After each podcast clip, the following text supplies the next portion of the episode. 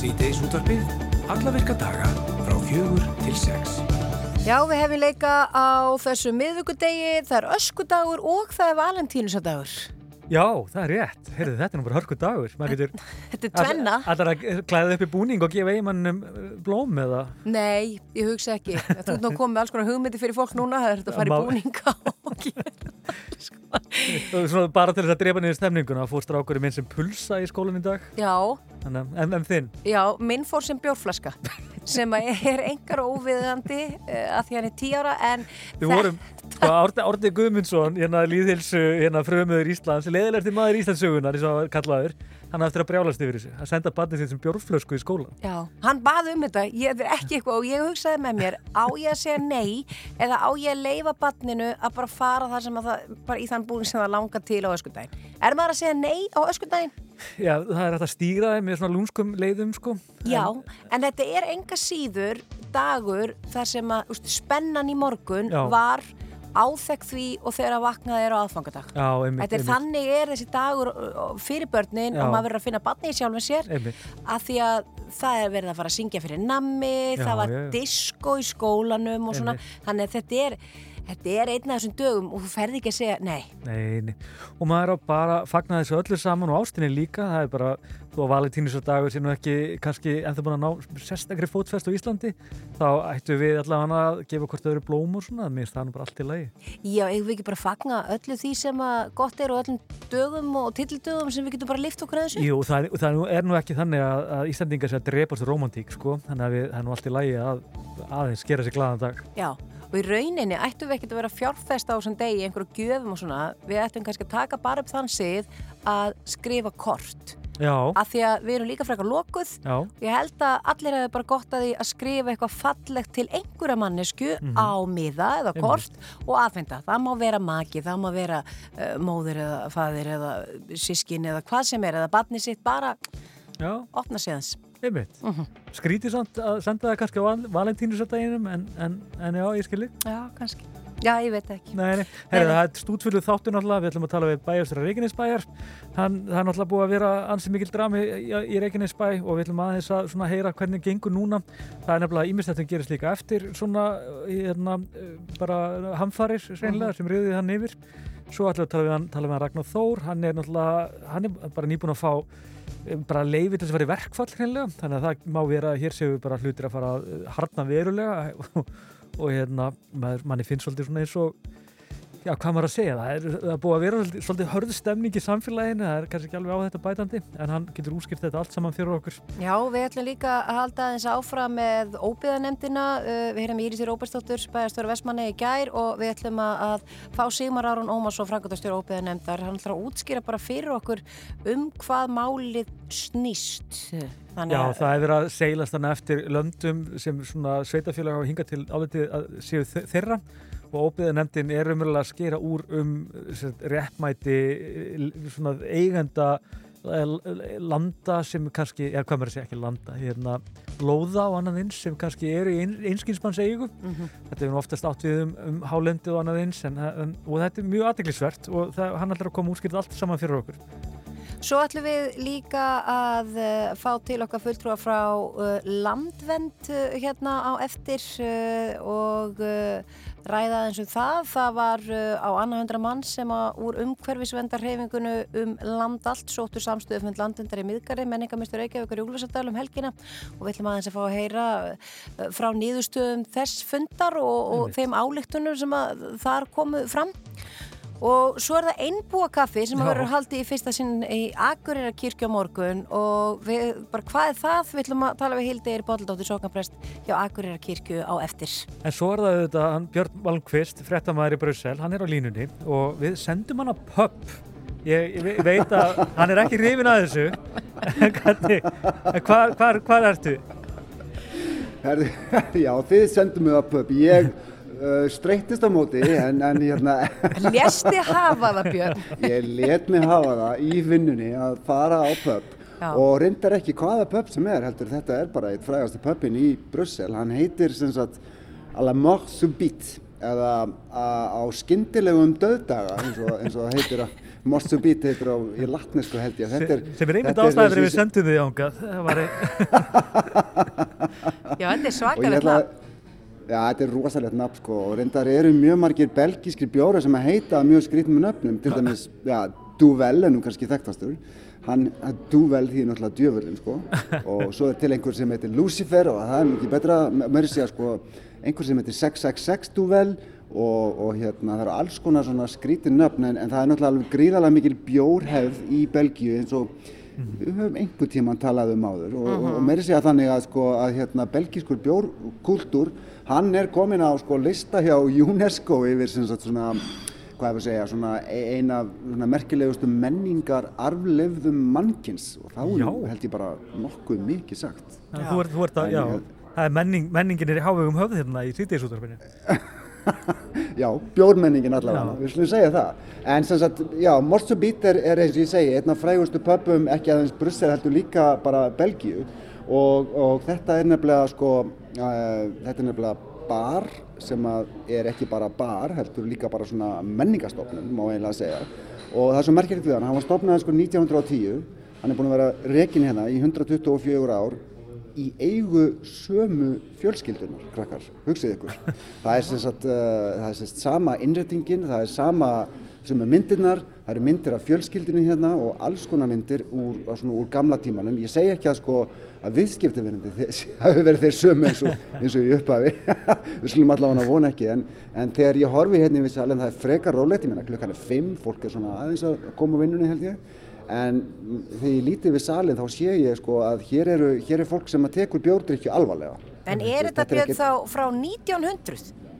1910, skal ég segja það er bara tvær heimstyrjaldir og, og, og, og, svo meira og bara, þú veist, ég veit ekki hvað. En hjá mér nefnilega, hann var svo almennilegur, hann, hann settist hjá mér, hann, hann heitir Bernard Vossen og hann er sem sagt núverandi uh, fjölskyldu meðlumurinn sem að sér um að, um að, hérna, um að reka barinn og, og hérna, ég ætla bara að spurja hann sko, Bernard, c'est la même famille depuis euh, euh, 124 ans, euh, c'est le même décor, c'est la même location, euh, c'est le même bar, c'est une institution à Bruxelles et, et- et- et à Belgique, et à Bel- à Belgique aussi. Euh, C'est une, grande responsabilité pour toi, non? Oui, c'est une grande fierté aussi, Oui. parce que c'est un patrimoine culturel très important à Bruxelles. On est le plus vieux café de Bruxelles encore en activité. Et quatrième génération, ben voilà, c'est une fierté de garder ça euh, opérationnel et peut-être une cinquième, on verra bien. Mjög stoltur af því að gera þetta. Mjög, uh, mjög mikil ábyrð þannig þetta er, þetta er fjórða kynnslóðin uh, hérna, þetta er stopnun í Brussel uh, þetta er hérna já, hann er, bara, hann er bara mjög svona kátur með að vera hluti af þessari löngu, löngu, löngu hefð sem að, sem að, sem að, sem að hér er til staðar. Bernard, c'est pas un bar, c'est pas, c'est pas seulement un bar, c'est c'est aussi une institution culturelle à Bruxelles, euh, ici. Hein. Tout à fait, et tout le monde, est- on est connu mondialement et on- les gens viennent euh, visiter la Grand Place, la. Galerie de la Reine Ouais. et viennent boire un verre à la mort subite parce que le cadre est- est fantastique. Hann segir að hinga komi gestir úr öllum, frá öllum heimsins hodnum, fólk sem hefur verið hérna nýra á Grand Place, þa- þar sem að við höfum verið líka í útvarpinu, við- hérna, fólk sem að kemur hérna úr, úr hérna Galerie de la Reine, eh, sem er mjög falleg svona yfirbyggð vestlunugata hérna rétt hjá, uh, frá hvað, 1880 eða eitthvað svo leiðis og, og hinga kemur bara alveg ofbúrslega mikið af fólki, ekki bara sagt, heimamenn heldur líka, eins og ég segi, túristar sem að, sem að, sem að hérna, að, sko, að því að þessi bar er þekktur bara út um allan heim. Það er svona sögulega séð, hvað hafa einhverjir frægir, svona, hvað maður að segja, svona merkar personur úr sögunni komið þarna við á 20. öldinni? Laissez mér að spyrja, Bernard. Euh, Est-ce qu'il y a des personnes euh, très connues qui, qui, ont, qui ont visité ici, euh, très connues de, de, culture, de l'histoire, euh, quelque chose comme ça Beaucoup de personnes connues, mais ils viennent ici, entre guillemets, euh, pas pour être connus, mais il y a eu la famille royale, il y a eu des personnes de la politique, euh, du gouvernement, des actes, beaucoup d'acteurs euh, cinéma, Ouais, ouais. Johnny, Johnny Hallyday, je sais pas Johnny Hallyday, hein. la personne plus connue en France. hein. hinga hafa sérst komið uh, mjög mikið af frægu fólki, kongafjölskyldan belgiska hefur, hefur sótt hennan stað, stjórnmálamenn, uh, leðtóar, alls konar í þjóðlífinu, uh, þekktir leikarar, söngvarar, Johnny Hallyday sem að, sem að hérna, sumir á Íslandi þekkja kannski sem, að, Er sem er svona? Elvis Presley Útskýra nú aðeins fyrir okkur. hann er svona Elvis Presley þeirra frakka Já, hann er, hann er, hann er, hann er nýdáinn reyndar, hann dó fyrir nokkur mánum síðan ofbóðslega stórt nafn í Fraklandi uh, hann, ko- hann kom hingað uh, Le plus connu de Belge, euh, oui, bien sûr. Euh, une, une question finalement. Euh, le, le nom Morsebit, ça vient d'où Ça vient du jeu, euh, un jeu du 421. ouais. Donc les gens devaient, avant il y avait des bureaux d'assurance. Ouais. Ils venaient, tra- ils travaillaient pas beaucoup à l'époque. Et donc ils, étaient ici à boire leur verre. Ils jouaient le jeu et parfois il fallait, ils devaient être appelés au bureau parce qu'il y avait un client. et donc ils prenaient, ils faisaient la, la dernière partie en vitesse avec un mort. Et c'est pour ça que c'est devenu la mort subite.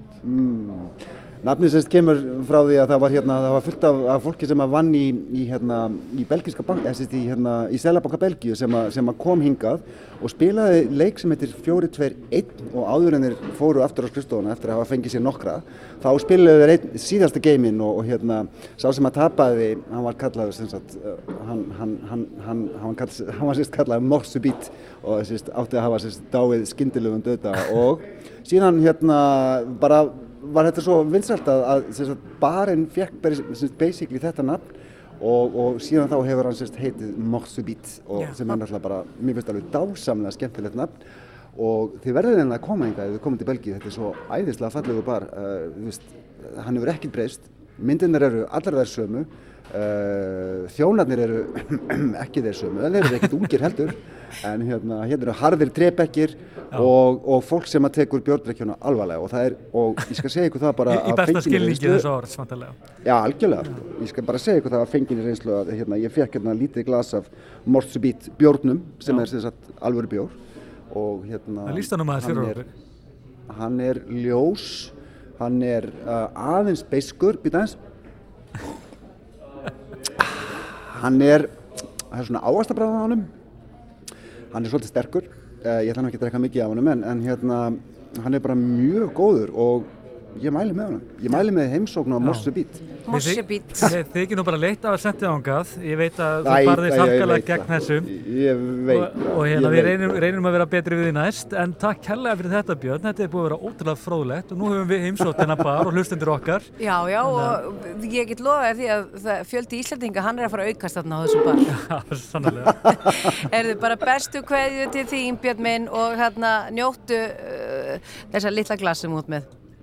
Skála barnum. Já, bless. Bless.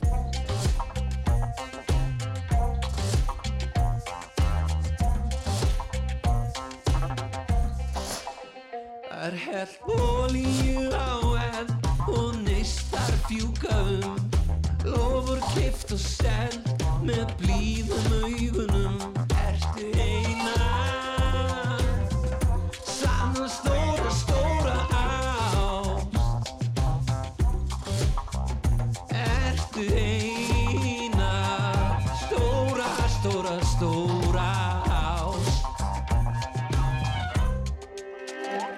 Loftið er hlaðið háspennu, meir en orð fálýst.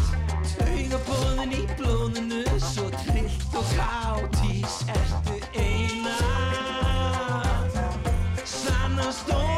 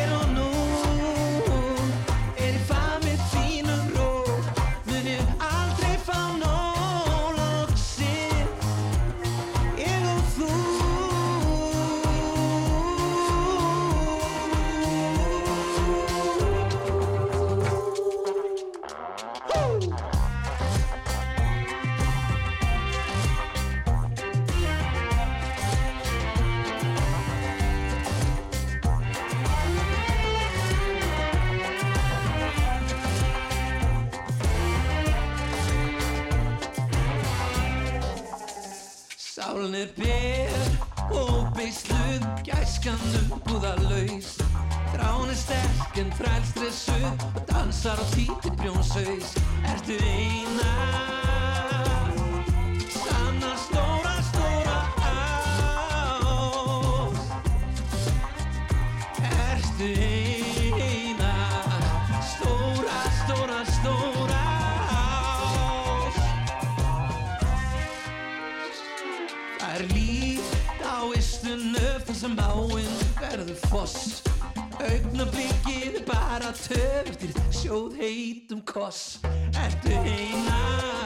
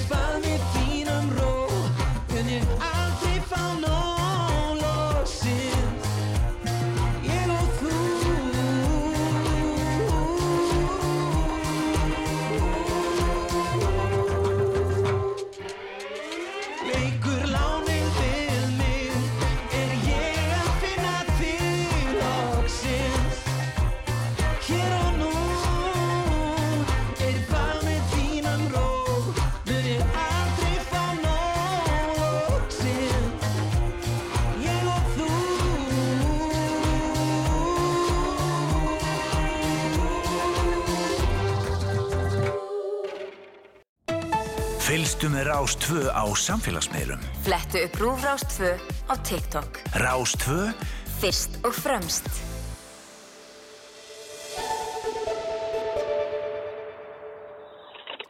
Já, velkomin aftur. Við ætlum að við erum komið með bæjarstjóra Reykjanesbæjarna línunan, Kjartan Má Kjartansson.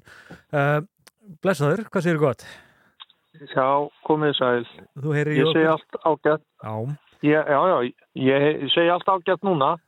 Hérna, sko, uh, það er búið að ganga á ýmsu í Reykjanesbæ en það er samt sem áður Já. búið að laga ýmislegt og, en eftir sitja svolítið margar spurningar og við veltum svolítið Já. fyrir okkur svona hver er staðan núna hafið einhverja hugmyndir um skemmtir og slíkt er búið að meta svona Mhm. ef að segja landið er frá að rísa á ný og það er möguleiki öðru gósi hvernig svona er bara andrúsloftið þarna hjá ykkur?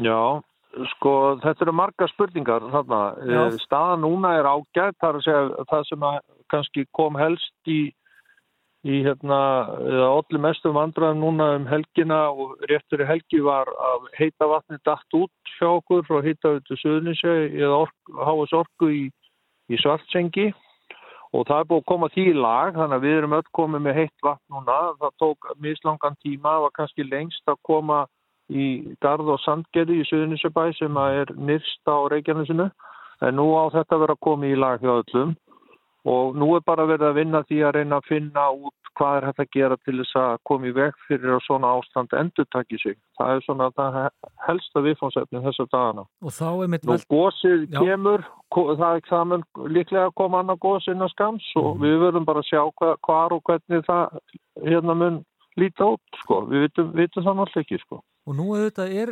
Reykjanesbær uh, meirluta eigandi rétt svo í háis veitum. Hvernig, ég, Rétt, ég, ég, ég mynda mér að þið eigi nú í, í svolítið góðu samtali við þá menn. Hvernig svona eru er þið að undirbúa ykkur fyrir, já, næstu elgótt sannlega? Ég sko, það er búið að, það er búið að hérna, laga lögnina til bráðabyrða sem liggur frá svartsengi og til og í dreifikerfið okkar og svo lögn er á vegum HS Orku. HS Orka er í enga eigu, við eigum ekki í HS Orku sem framleiður orkuna. Og hún afhendur okkur orkuna hérna við bæjamörkin við fytjar og þar tekur, tekur dreifikerfi HS veitna við og dreifir þessu um allt. Og það er þessi lögn HS Orku sem, sem fór í, í sundur og þess vegna lendur við þessar uppkomu. Mm. En, en ég menna Kjartan, uh, hvernig er bara stemningin í bænum yfir höfu? Við vitum að það var þrekvirki unnið að koma þó vatni til bæjarins á já. mjög skömmum Já. tíma miða við hvað menn höfðu búið sér undir og, og vara fólk við. Uh, er, er fólk uh, pyrrað, er einhver kerkja eða eru menn kvíðnir fyrir bara framhaldinu? Já, sko, ég hugsa að það maður finna allar þessar tilfinningar á meðal bæjarbúa. Mér finnst samt flestir vera bara ánaði með hvað þetta gekk vel, svo krossleggja menn fingur og, og vona að þetta endur takki sig ekki með jafn aðdreifaríkum hætti aftur, en við erum samt alveg viðbúin því að það geti gerst og þá er bara verið að læra af þessari reynslu. Ég menna að það, það lamaðist allt hérna meir og minna bara í, í smá tíma, svo, síðan komum við skólastarfi og, og öllu því í gang aftur. Og við erum bara að læra reynslinu og þetta er reynsla sem við óskum engum að, að gangi gegn. Þessu talnum um þegar við erum hávetur og frost allt niður í sko 14 gráður á nóttinni hérna. þetta, er, þetta var ekki auðvelt sko fyrir hjúkurna heimilu sjúkurahús og alla sem að í þessu nettu en, en þú veist þetta hendir, svona bara er íslenska náttúran. Og þegar þið land... og Og ég, ég ímynd, ímynda mig nú að eitthvað þurfið nú að tala saman þér stjórnmálafólkið uh, varandi bara hvað skal gera og annað eins og, og hvernig Já. þetta fór svona og hvort þið viljið taka þetta út og, og ég meina, ég, ég líka ég, ég meina það hefur verið réttmætt gaggríni þegar kemur að HS orku varðandi að kannski hafi ekki verið undirbúin betur og þetta, þetta er kallað áfallað þól, það er bara ekki mikið Já. styrra á þessu sveiði. Já, já, já, stjórn, það er alveg rétt og það er verið að skoða núna, ég held ég geti sagt fjóra leiðir hvernig megi sko minga líkur á þetta gerist og vera þá með eitthvað varaafl tilbúið.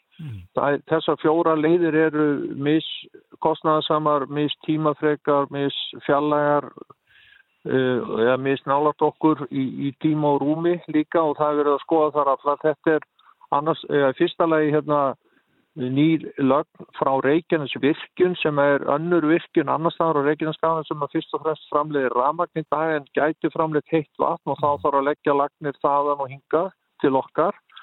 Í öðru lagi þá að fara í, í, í inn á svæði sem að var einu sinni nota og er með lághita sem er samt 70 til 100 gráður heitt vatn Já. og það er verið að undirbúa það í samvinni við Ísor og, og Háis Orku.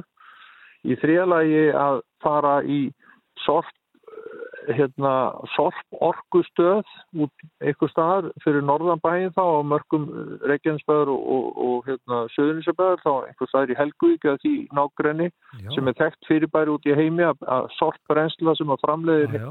Orku, bæði heitt vatn og ramag. Mjög frækt auðvitað og Og mikið fjó- notað víðar. Er það raunverulega Já, já. hugmynd, hugmynd á borðinu, sem sagt, sorporku stöð? Já, já, það er, það er, það er ekki ný hugmynd og, en, og það er búið að vinna vel í henni á vegum ímisaðila og, og þannig að við erum að skoða það Mhm. og svo í fjórðalagi er, er þarf að skoða lögnina sem að liggur frá háis orku, orkuverinu í svartsengi og til okkar. Hún er lögð bara í beinni lína því það hefur sennilega verið ódýrasti mátin á sínum tíma og liggur víða á leiðinni lágt og kannski þarf að endur nýja hann og leggja hann öðruvísi á herri punktum, ef við getum orðað þannig, þannig að hún liggi ekki alltaf í lagstu línu, heldur sé á náttúrulegum stöðum sem að standa herra og er minni líkur og verði undir í einhverju hraunflóði. Sko. En það hlýtur að þurfa að hafa hraðar hendur í ljósi þess að landi er byrjað að rýsa aftur og, og við vitum ekkert hvenær þetta gerist aftur. Já, já, engin þessara, eng, samt engin þessara fjögur að leiða tekur skamman tíma. Þetta er allt frekar tíma, frekar leiður og það er verið að skoða þetta í samvennu við ríkisvaldi og ríkistjórnina og, og þá sem að, að því borði koma ásamt orkufyrirtækjunum báðum, háas orku og háas veitum. Og svo verðum við bara að vona okkar sérfræðingar að þeim takist að vinna þetta eins hratt og, og vel og hægt er innan, innan samt einhver, þetta mun alltaf taka einhverja mánuði sko. Já, en svo ég skjótur líka inn í þetta þá, þá var annað sem kannski svona þrengdi stöðun enn frekar sem var auðvitað raforku notkunin, hvað hún var viðkvæma sama skapi. Þá erum við Já. komin inn í svolítið flóknari umræðu en, en kannski svona, hvað finnst þér einmitt um það að, að það var valla hægt að hafa uh, opn og, og hárþurku í samband á sama tíma? Nei, nei, nei, og það er í sjálfsög þegar maður fyrir að skoða það, þá er það ekkit að til að þegar þú ert með hitafði, jafn öllu og góða hitafði eins og við höfum búið við hér í, í ára tíi, að þá ertu ekki að leggja og leggja í kostnað að hafa raforkukerfið í, í íbúðakverfum þannig að þú getur kynnt allt með raforku líka. Nei. Það kostar, þú veist, annarkot ertu með hittaveitu eða ramaskindingu og við erum ekki með ramaskindingu en við lærðum það þarna að kannski þá endur skoða það að einhverju leiti og það er eitt af því sem að verður öruglega rætt við orkufyrirtækin. Mm. Nú er, uh, já eins og allir vita, miðugudagur, það er aðeins, uh, já nokkru dagar síðan að það sem var kipt í liðin, uh, fer allur eitthvað tími núna í, í bara undibúning og eða í þetta mál eða er það að ná að sinna einhverju öðru þannig í sveitafélaginu? Já, já, við, við erum að ná að sinna því sem þarf að sinna. Það eru ákveðin, á, ákveðin hluti fólks er í þessu máli og svo eru aðrir í öðru málu eins og gengur. Og, en þetta er mjög ofalega á blaði hjá öllum, hjá kjörtum fulltrúum og, og öllum sviðum, bæði Reykjanesbæjar og líki Suðuninsabæ og, og Vógum og svo náttúrulega hjá orkufyrirtækjanum. Þannig að það eru allir mjög vel, eða öll segjum að núna, öll mjög vel meðvituðu mikilvægi þess að reyna að styrta tíma og, og gera þetta þannig að við lendum ekki sömu vandraðan aftur. Kanski einn svona loka spurning, hún er nú smá kvikindislega svo sem en, en við frétta fólkið þetta tókum eftir því að þú varst alltaf statur erlendir þegar þetta áttir sér stað alls saman og ég ímynda mér að þetta hafa nú verið svolítið óþægilegt fyrir því að, að hérna, vera annars þar. Hvernig var það kannski að vera upplifið þetta svona fjarlægð? Ah, það var ekki gott og, og fyrsti fréttamaður sem ringdi í mig hann spurði og nú ertu erlendis og hvað hérna hvað ætlar að gera í þessu? Ég svar, svaraði bara það sem kom fyrst upp í huga var að ég geri nú engin kraftaverk og örglega ekki hérna úr skíðalöndunum og Ítalju Nei. og ég hef fengið að heyra það bara frá mörgum og það hefði verið mjög lókist og gott svar. Einmitt. en auðvitað var það erfitt sko og, og hérna en þannig er þetta bara. Að ég ákvaða að fara í langt frá frí þarna í nokkra daga og það hitt akkurat bara þennan tíma. En það er sem betur fyrir ég er ekki ómissandi frekar en okkur annað okkar Nei. og það var fullt af góðu fólki sem að vann vel hérna með hann Mhm. Það er rétt. Kjartan, uh, Magnússon, bara takk kærlega fyrir að vera á línu hjá okkur og, og við hugsun hlýlega til ykkar og, og vonum að, að það gangi vel allir undirbúningur að því að takast á við svona hluti ef þeir gerast aftur. Við erum Rástfö Fyrst og fremst með þér.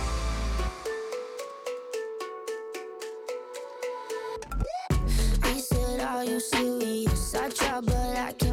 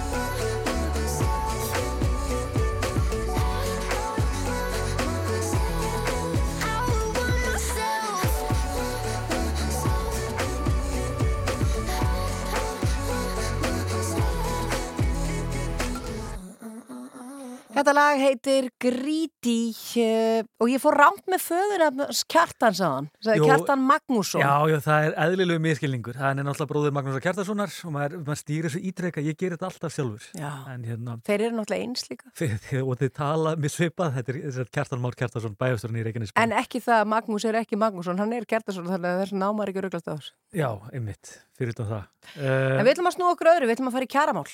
Já, uh, hann Ragnar Þór Ingólfsson er komin til okkar og uh, trúnaðar á VAFR uh, veitti samninganemt uh, VAFR heimil til aðgerða í stuttumáli því það bara að- það, þeim ég að fara í verkfall og formaðurinn, hann Ragnar er hjá okkur.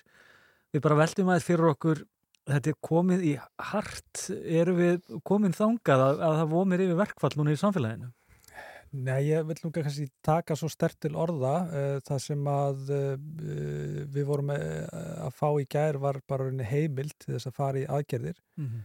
og uh, samningarnemndin fer auðvitað ekkert í slíkar aðgerðir á þess að hafa sko stert bakland á bakvið sig og það sem að var alveg skýrt á fundinum í gær að, að og ég hef sjaldan skinnjað einn stert svona í gegnum árin, ég hef komið að mörgum kjærasamningum að hvað svona uh, hvað fólk er orðið þreytt á þessu ástandi þessari verðbólgu og háum vöxtum uh, dýrtíð uh, og talanum um nýjastu útspil sveitafélagana sem að hafa verið að hækka gjaldskrár bæði skólamáltíðir og, og, og annað Sorphirðu. Já, já, sorpirigjöld, já. fasteirnagjöld hafa hækka hér um 10% sem er áhugavert því að mitt, ríkið lækkaði sérstaklega, hún var með mjög hóflegar hækkanir í sínum hérna, gælskram núna um áramótin, það voru 3,5% en voru sko munhærri fyrir árið síðan.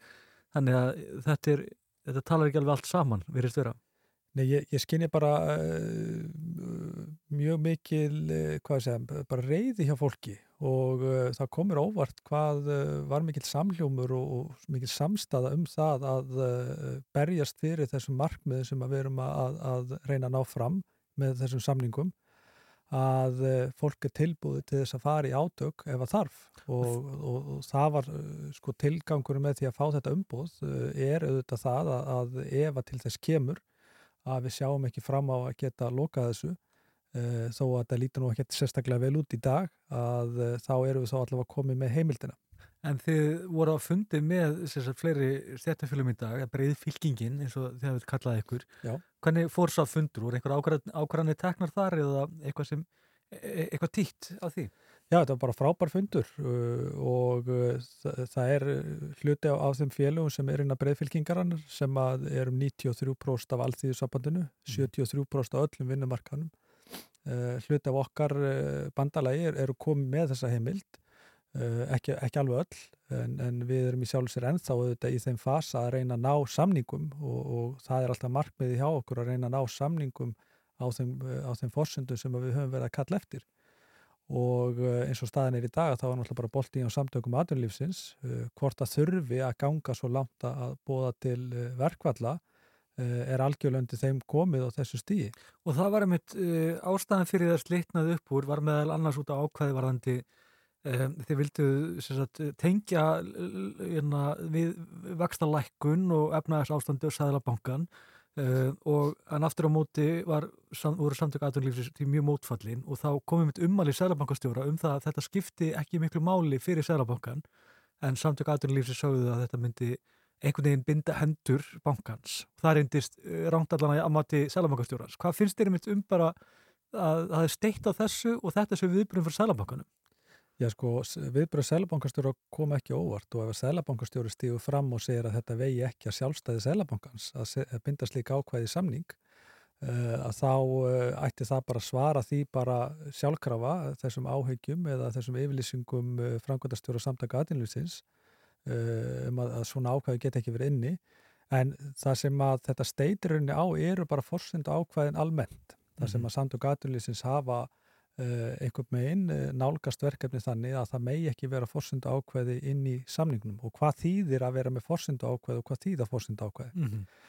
uh, forsendu ákveði í svona samningi þýðir það að ef að til dæmis verðbólga verður herri heldur en 4% eða einhver ákveðin viðmið á einhverjum ákveðin tíma að þá höfum við heimil til að segja samningunum upp. Mhm. Og af hverju er það?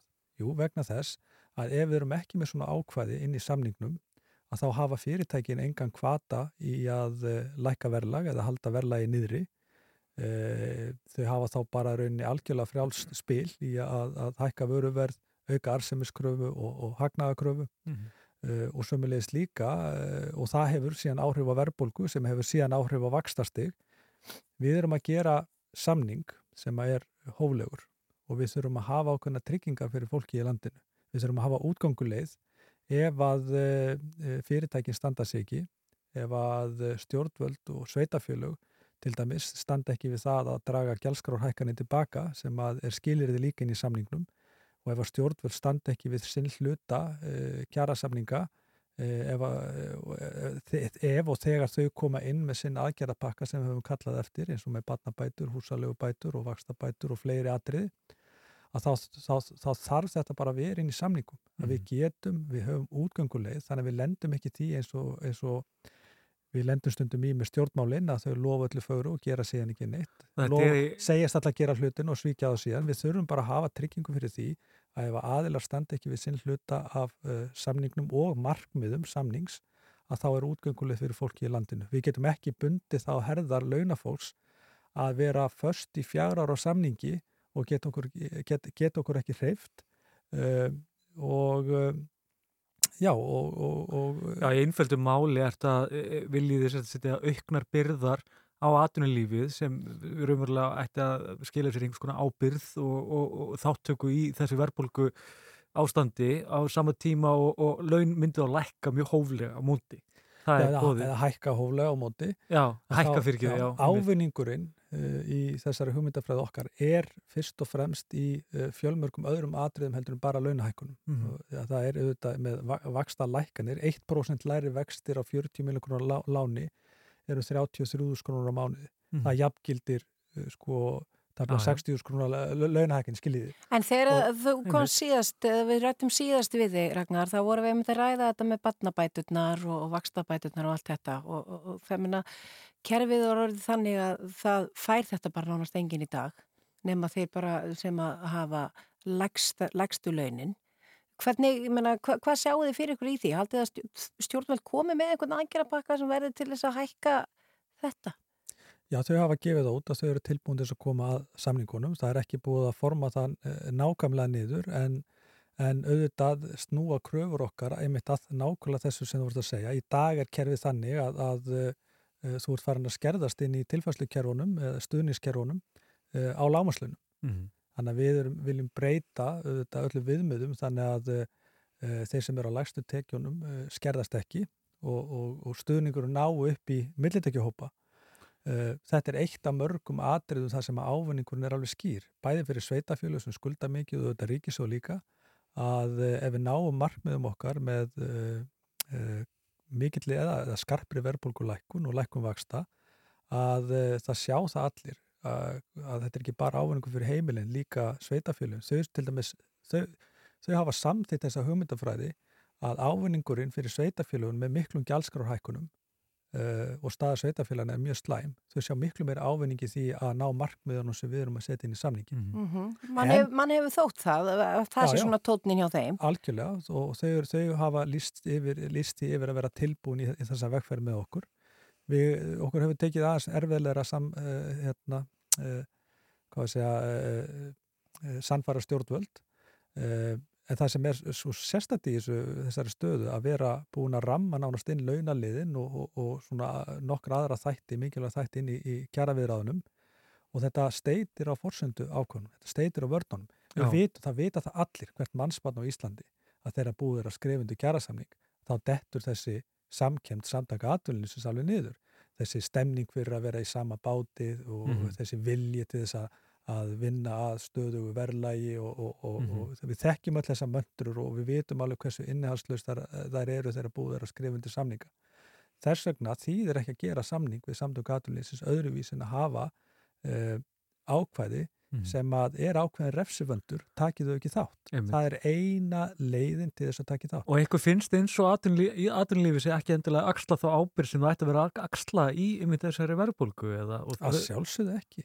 Að sjálfsögðu ekki. Þú skiljar fyrir okkur af hverju. Já, ég meina, sko afkomentölu fyrirtækja síðustu ár, uh, við sjáum nú bara bankana núna sem að uh, það er náttúrulega ótrúlega afkoma sem að eh, eru auðvitað fengin- hærri í sumum bönkum. já, já, sem, sem eru auðvitað fengin meir og minna frá, eh, og stórum hluta frá heimilum Já, og, gjald- á skjaldskrám Já, og annað eins, það er með ólíkindum, þeir hafa skert þjónustu, auki gjaldskrá sína bætt nýjum við gjaldstofnum uh, og svo framvegis og svo náttúrulega hefur vaksta, hafa reyna vakstatekju náttúrulega eru bara stjartfræðilegar inn í bankakerfinu. S- uh, fyrirtækjunum hefur sjaldan vegna betur en þau eru líka að berjast í bökkum mörg fyrirtæki út á háa vakstastíð Það eru stóru fyrirtækinu, þeim vegnar vel á Akkúrat. meðan kannski smáum og milli stórum Já. gengur ítla. Þess vegna skilum maður ekki að, að samtök atulísins uh, sé ekki tilbúin til þess að gangast að þessum fórsönda ákvæðum vegna þess að það hefur ekki verið gerð- gerður langtíma kjærasamningur í Íslandi síðustu áratugi ef við getum bara tekið allt frá þjóðsáttarsamningum þar sem að hafi ekki verið mjög stíf fórsönda ákvæði að, að koma núna og stíga fram uh, nýr framkvæmdastjóri samtök atulísins og telja að fórsöndu ákvæði sé eitthvað tabú eða sé eitthvað nýtt og, og, óvinnilegt er eiginlega bara málflutningu sem að maður eiginlega á erfitt með að ná utanum og skilja. Uh, en það er algjörlega ljóst að, að, að uh, þetta endar ekki vel nema verði algjör viðhóðsbreyting hjá En þú, þú talar um það, að þið, þú vonast til að þurfi ekki að beita verkvöllum en, en Ég meina, að, að skrifa munið- skíin, þeir eru búin að fá heimildina, þeir eru búin að, veist, er, hvað er í næsta skrifina? Já, sko, ef við tökum til dæmis kjærasamlingar 2015 að uh, þá þurftu vaffer að fara að búða allsýraverkvöld til þess að bara að fá aðila að borðinu og klára. Uh, 2019 fór, uh, það kom ekki til verkvalla þá, 2019 fyrir lífskjærasamlingana þá þurftu að búða til verkvalla og, og, og vaffer fór í verkvall í fyrsta skiptið síðan 1988, í næstu í 30 ár, uh, til þess að, að aðilar kæmu á borðinu, það, er, það verið mótæðilin okkar og kláraði málið. Og það er þetta sem er kannski eh, vandamál með þennan kultúr í, í, í kjærasamlingum á Íslandi og mögulega er þetta annar stað svona líka að uh, sko við erum með lausnin í sjónmáli við vitum nokkurn veginn hver hún verður uh, en, en það verður að gera svo erfitt fyrir uh, á óþörfu Já. við eigum ekki að klára þetta Og á viðkomin tímapunkt að auki. Já, sjálfsögðu og þú veist, og venjulega hefur þetta ve- verið að stranda á, á sko umræðum launaliðin og aðra Mhm. þætti en forsendu ákvæði eðlega varnir sem hafa alltaf verið í langtíma kjærasamningum uh, sjálfsæða varnir fyrir fólki í landinu og við eigum það skilið, við eigum það skilið að fá góðar varnir inn í samningin okkar þannig að uh, uh, þannig að fyrirtækin bara hagkjöfrið, bara fjármála, fjármálakerfið, stjórnvöld, sveitafjöld, það verða bara allir að taka, með, ta taka þátt í þessu Mhm. og, og, og verða allir að axla ábyrgð. Það er að eina sem við erum að byggja um og við þurfum að vera í þessari stöðu út af uh, þessu er eiginlega bara óskiljanlegt. Hvernig er einingin innan breyðfylkingarinnar? Eru allir á sumu blaðsíðu, eru skipta skoðanir? Haldið þið getið, hérna, verður, sagt, e- þetta vir- virka nú bara mjög kröftugt bandalag. Er, er, finnst þið líklegt að það endi í, er sem það, hald, haldi? Já, já, er, ég er bara ekki nokkur meinast að vafa. Það er bara mikið traust og, og, og góð stemning í hópnum og, og þetta er langsterkasta bandala sem ég hef tekið þátt í. Við erum mynda bandala með flestum félögum innan alltíðusambansins í gegnum árin og, þetta er það langstæðsta Mhm. og fjölbreytt þessa, ef, ef ég get kallað það þannig. ja, Þetta þið virki grjóthörð og á sömu já, bylgi já, lengt. já, já, já, við fundum í morgun og munum funda aftur á föstudaginn og það er bara tölvöld mikið vinna í gangi til þess að finna leiðir, til þess að ná samningum. Við erum alltaf að reyna að finna leiðir og uh, við munum uh, ekki hætta. Við erum náum settum markmið og náum tímamóta frábæru samningi fyrir allt launafólk og almenningu í Íslandi. Já, Ég vonum það. Vonum að þetta endi farsalega og það komi ekki til verkfalla. Þetta endar alltaf með, með, með samningi. Það, það, það hefur alltaf gerst. Þannig að Hárétt. og svo bara spurning bara hversu, hversu mikið þarf að hafa fyrir því. Já. Ragnar Þór Ingulsson, formað aðferð, takk fyrir að koma til okkar og gangi ykkur vel. Takk sem liðs.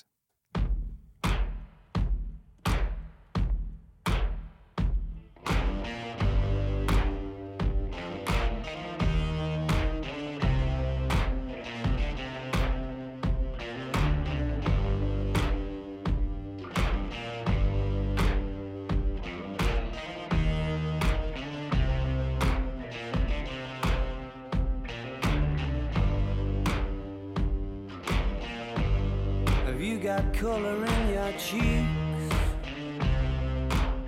Do you ever get that feel that you can't shift the tide that sticks around like summits in your teeth?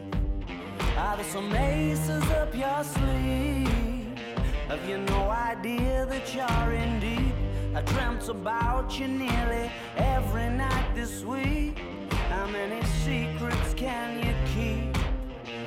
Cause there's this tune I found that makes me think of you somehow when I play it on repeat until I fall asleep, spilling drinks on my settee.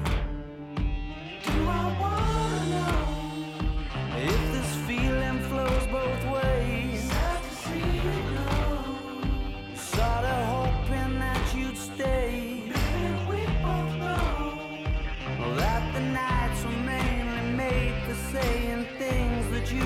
say tomorrow day.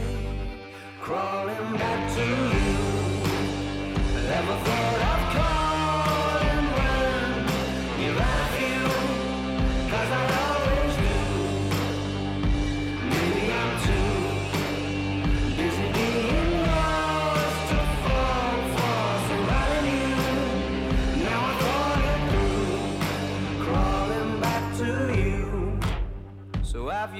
the goods?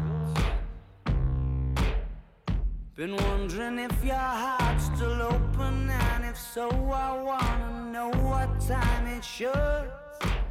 Simmer down and poker up. I'm sorry to interrupt, it's just I'm constantly on the cusp. I've tried been to kiss you.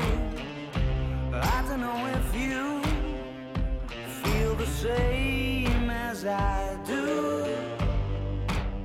But we could be together if you wanted to.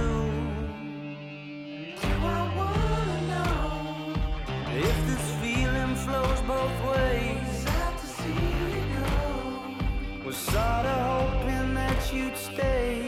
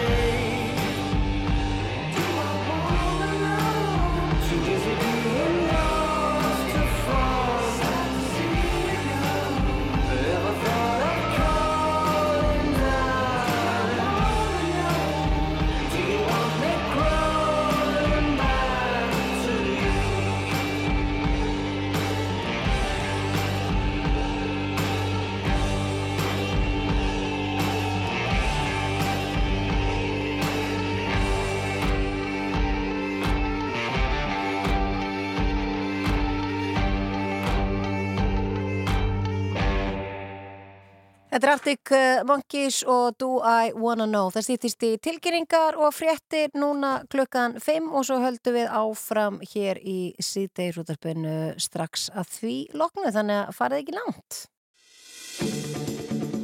Þú ert að hlusta á síðdegisútvarpið á Rástvöð. Já, við höldum áfram í síðtegis útvarpinu og eitt og annað sem við höfum eftir að taka fyrir á þessum klukkutíma. Við höfum meðal annars eftir að fara aðeins að halda áfram með óbyggða nefndina sem við töluðum um í gær. Já, framkvæmdastjóri óbyggðanemndar kemur til okkar og útskýri fyrir okkur bara um hvað þetta mál snýst. Þeir eru að, vespaneyingar eru svo dýllir yfir því að það sé verið að seilast þarna í lönd sem þið telja sig að fullkomi rétt á. Það er á Mhm. meðal brekkuna í Herjúrsdalunum. Já. Þetta er mjög viðkvæmt allt saman. Það er mjög eðlilegt þessi reyðir yfir því.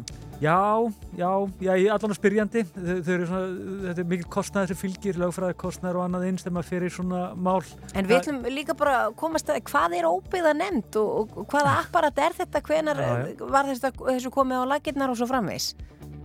Já, einmitt, þetta er náttúrulega eh, síðan 97 sem nefndi, hún er svo sem ekkert óþekkt þannig lagað en, en, en það er, menn hafa kannski glemt henni svona í middeltíðinni, ég held að það sé frekar málið. Svo ætlum við að hringja norður á Akureyri, þar verður haldið einbúa kaffi þar í fyrsta sinn á morgun og Hildur er Bottldóttir, hún veit miklu meira um það en við ætlum að byrja á landvend. Já, á annað hundra manns úr umhverfisvendar reyfingunum um landa allt uh, sóttu samstöðufund landvendar í miðgarði, og þar voru ákveðnar álíktun samin og samþygt og þetta er aðklisvert vegna þess að þau vilja fá sterkan umboð, nei fyrir ekki, sterkar umboð í samfélaginu, sem er náttúran. Og, hérna, og vilja líka kljúfa ráþeran frá því sem hann er núna. Við erum með Þorbjörgum, Þor, Þorgerði Marju fyrir gjöðum, uh, Þorbjarnadóttir, Já, Já þannig kom hann. Þetta er, er tungubrjótu svolítið þetta nafn, ég skal bara alveg játa það og, hérna, og mér langar að spyrja það aðeins bara hvað hérna, var það helsta sem kom fram í þessari áleiktun sem, sem þið samþyktuð? Já, það var sko til, til þess að byrja að tala um þá var bara ótrúlega frábært að finna þessa samstöðu sem var á þessum fundi og hérna hvað var greinilega uh, mikið þörf á því fólk er búið að vera að dreifast meira af því það er orðið bara meira af hlutum framkvæmdum og, og svona náttúrulega lofslagsmálin og alls konar hlutir sem fólk er farið að hafa áhyggjur af. Mengun og, og hérna milja niður heilu fjöllin og, og annað. Uh, og ég held að fólk sé fara að upplifa sér þetta einangrað en ég held að síðan þegar við komum saman það áttum við okkur hvað við erum óbáslega mörg og það er ótrúlega mikið af fólki á Íslandi sem eru náttúruvendasinnar Já.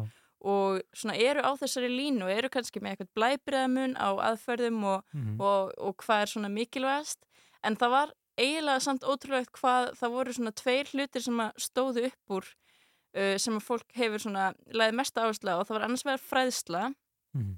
og þar vorum við svo sem bara mjög ánað að sjá að það er eitthvað sem fólki finnst mikilvægt vegna þess að við erum náttúrulega með grænfónaverkefni hjá Landvend sem að er alþjóðlegt verkefni í einmitt fræðslu til hérna barna um umhverfismál og, og ungmenna og hérna og jafnvel á háskólastigi líka háskólinn er líka, háskóli Íslands er líka í grænfónaverkefninu En hvernig fer það fram? Farið inn í skóla eða?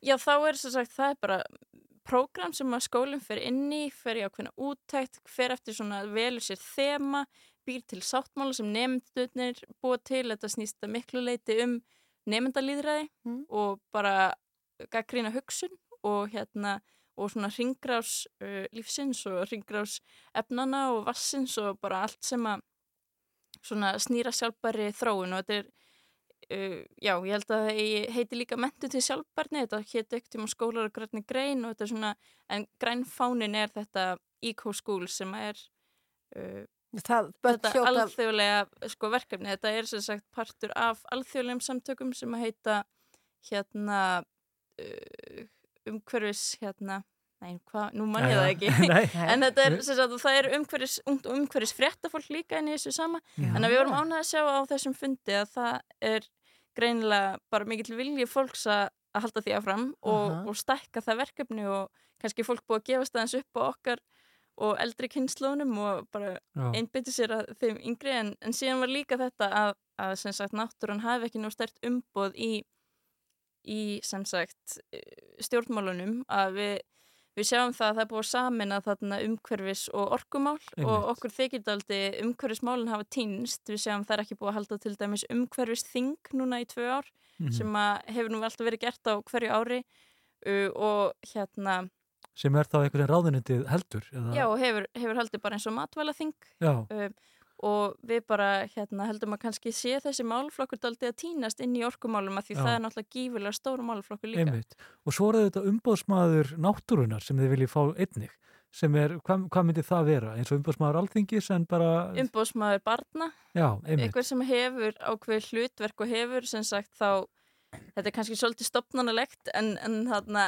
hafi þá ákveð vægi inn í, inn í stjórnsýslunni fyrir hönd náttúrunar Einmitt. og við raunin lít, líta öll náttúruvendasamtök á sig sem umbóðsmaður náttúrunar vegna þess að við erum nú oft köllu hagsmunasamtök Einmitt. en við höfum enga svona fjárhagslega hagsmuni í því að, að hérna, venda náttúruna heldur er Nei, þetta hugssjón og þetta náttúran ver sér bara ekki sjálf, hún hefur ekki rödd uh, og það þarf Og fyrir utan það náttúrulega, maður sér, maður sér til að mynda að samtök atunlífsins sem gott dæmi á sæti fullta nefndum um alls konar málefni og meðal annars að ég er sæti í hérna sjóðin sem, sem við kemur náttúrunni en landvend einhvern veginn fær aldrei sæti í neinu nefndum þegar kemur, já mjög sjaldan í það minnsta Já, þegar kemur að náttúrunni. ekki, ekki neinum en það er svona vettfangur umhverfisvenda samtaka þar sem við Já. fáum stundum að skipa í, í nefndir og starfshópa og svona en Já, það hefur en það er nú ekki jafn algengt og og samtökum atunlífsins Nei. til að mynda. alveg klálega ekki og hérna okkur þykir alveg mega bæta úr því að við fáum sterkara umboð Já. innan og svona sem held vegna þess að við erum alveg ótrúlega mörg Mhm. og það var það sem ég upplifið á þessum fundi hvað, hvað var gott að finna hvað við erum mörg og hvað Mhm. við erum í rauninni sterkur hópur og hérna En svo, svo segið þið líka hér að þið viljið vinna gegn náttúru tapi Já. á Íslandi. Getur aðeins útskýrt það fyrir hlustendum hvað þið eigi við með náttúru tapi? Ég held þarna sé, uh, þarna er verið kannski að taka svolítið svona orðræði frá Nóri þar sem að er verið að benda á bara skipulagsmál og hvað, uh, skipulagsleysi kannski í skipulagsmálum þar sem að það er bara tap á náttúru ár eftir ár og hérna og það er engin almenni yfirsýn Mhm. yfir sem sagt hversu mikið er að tapast á hverju ári, hversu mikið af landi hefur verið framræst til dæmis. Það hafa verið vísbendingur um að það sé gert uh, án þess að fyrir því séu leifi og hérna kom fram í kveik uh, fyrir tveimur árum og hérna það er alls konar svona hlutir þar sem við erum að tapa Já. náttúrulegum gæðum en yfirsýnin yfir það er ekki nóg góð. Svo hefur þetta verið ofgagrind, sérstaklega undanfarnar mánuði varandi bara endurvinnslu og slíkt, fernumálið þetta frækt og, og fleira, það sem bara kemur í ljós að, að mann er ekki að, að sinna þeim málaflokki heldur uh, með réttum hætti.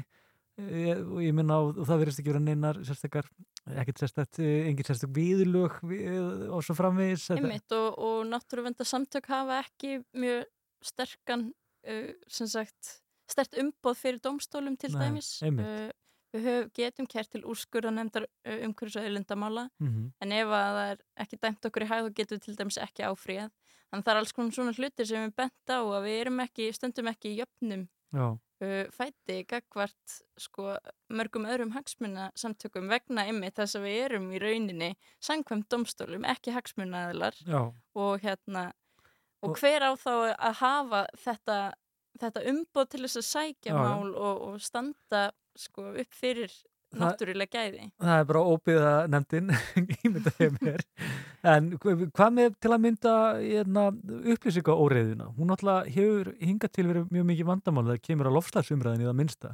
En manni finnst eins og að sé að draga svolítið úr því öllu saman. Hvernig, er, er það kannski mínu upplifun? Er ég mínum bergmannsalli núna eða? Já, ég held að það sé ennþá mikið verk að vinna vegna þess að ég held að mjög margir trúi því en þann dag í dag með því engöngu að virka meira og afla meiri grænar orku að það sé loftslags aðgerð í sjálfu sér Mhm. en hún er það þetta ekki nema orkan rati í orkuskiptin Já. og eins og við sjáum sko hvernig orkukerfi okkar virkar núna þá er, þá er þetta bara opin markaður og sá sem býður best Mhm. yfirleitt fær orkuna og það er ekki einu sinni þannig að það sé hægt að standa almennilega vörð utan um almenning Mhm. sem við sé verða bara undir í svona bóðum í hérna til dæmis í Noregi þar sem heldur betur hefur afla meiri orku Mhm. uh, með vindmiljum og öðru þannig að ég held að þar sko standi nýfurinn í kunni að, að það þurfi að að veita okkar raforku í orkuskiptin er til náttúrulega- þess að aukin orkuöflun verði til þess að, að við séum að skipta um orkugefa. Og þetta er náttúrulega aðteglisvert vegna þess að umhverfisráð þeirra er líka orkumálaráð þeirra Já. og þessir tveir, uh, þessir tvö sjónamiði stangast oftar en ekki á þegar kemur að, landvend og ég meina það er orku skortur vilja menn meina þessu hefur oft verið mópmælt til að mynda landvend að það sé ekki orku skortur að þurfi ekki endilega svo, að, þannig að það þurfa að virkja meira heldur aðeins endur skipulegja orkunar umverulega Já, hvað? ég held sko, meira segja orkumála stjóri talar þannig að eftirspurnin sé óendanleg uh, og þessi skortur sem talað er um er yfirleitt að því leitirinn til að það er meira eftirspurn heldur en frambóð Mhm. og það er bara kannski óumflýjanlegt í þessum geira þar sem eftirspurn er svona mikið, það er alltaf hægt að bæta við enn einu hérna rafmyndaverinu eða eftirspurn er mjög mikil en það sem er hættulegt er að almenningur verði undir Mhm. og að það sé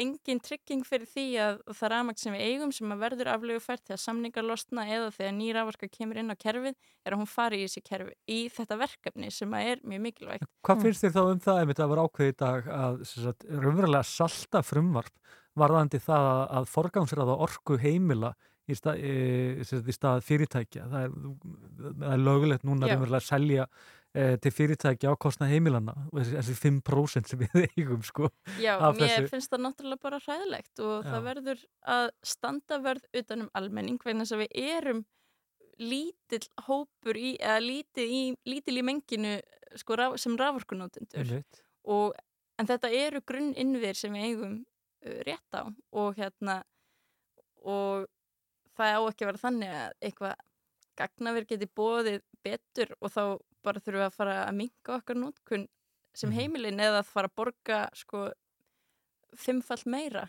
það er náttúrulega Nei. eins og staðin er í dag þá getur það bara gerst og það er ólíðandi Mm. Þið talið um það þarna að samir áþæra ég ekki að fara með umhverfs og orkumál. Eru þið bjart sín á það að eftir næstu kostningar þá verði þetta brotið upp og verði ekki í sama ráðunetti? Á ykkur verði hlustað? Já, ég þóra ekkert að spá fyrir um það og hérna en vonandi og hérna ég held að umhverfismál bara ein og sér séu það stort viðfangsefni að það þurfi bara sinn eigin málsvara í ríkstjórninni Mhm. og hérna og það að blanda orkumálunum saman við virðist vera bara of mikið. Einmitt.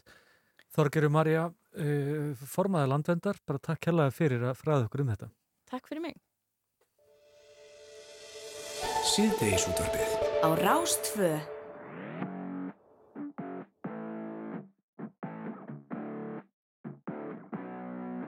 Hún snýr mér í ringi Og ger alveg á rúli svo rúleika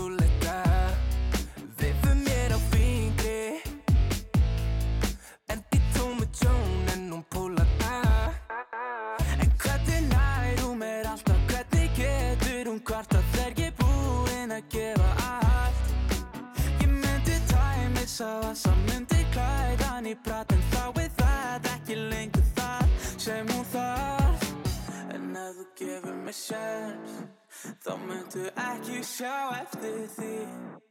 Ef þú á til eitt augnablík Myndir þú í mig Ef þetta sinn er seinasta sinn Vil ekki eiga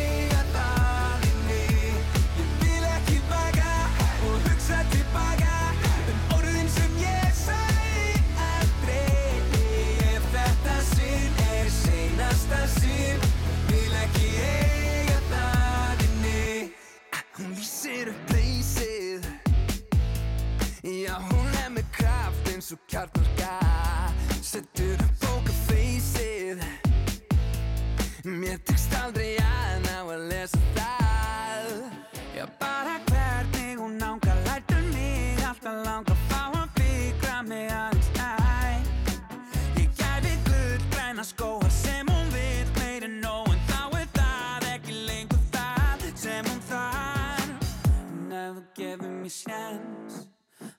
Myndu ekki sjá eftir því. Ef þú á til eitt augnablík Myndir þú því í mig. Ef þetta sinn er seinasta sinn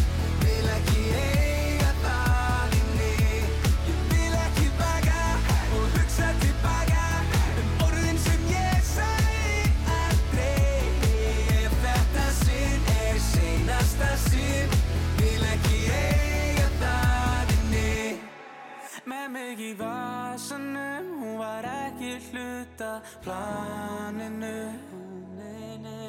Illt í hjartanu þegar ég horfa á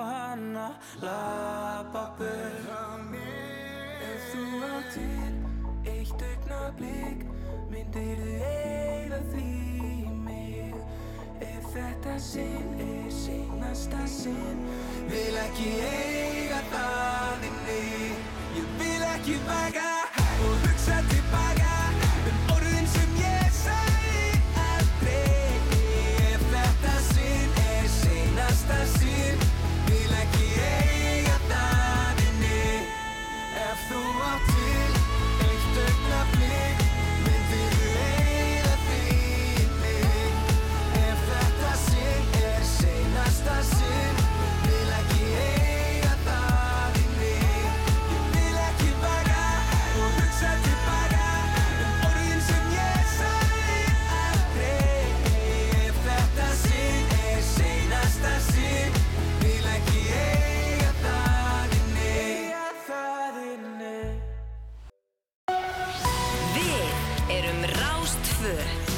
fremst með þér.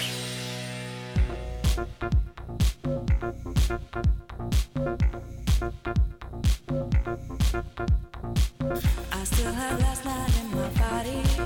I wish you were with me.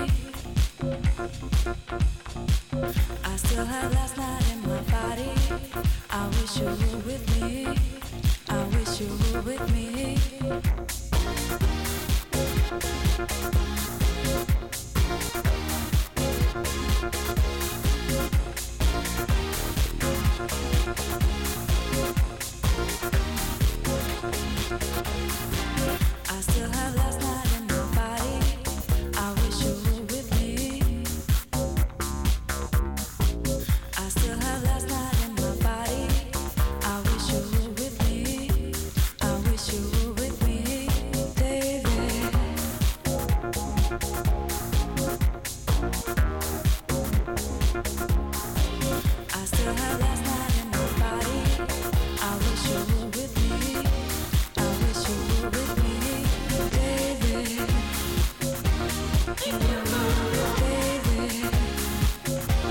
I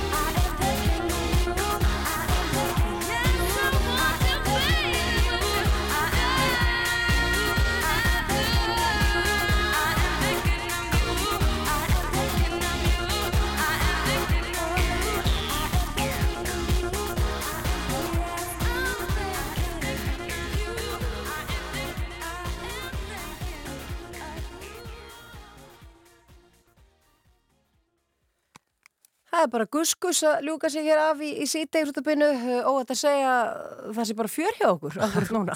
bara heilmikið fjörur að segjast þessu er En við erum uh, komin í samband norður á Akureyri og uh, á línunni hjá okkur er sér að Hildur Eir Boldóttir. Kondur Særa og blessuð. Blessuð sæl. Einbúa kaffi, við rákum au, já, augun í, í þetta á internetinu, ég og Valur og, og hugsuðum, hvað er þetta? Já, það er ekki nema von.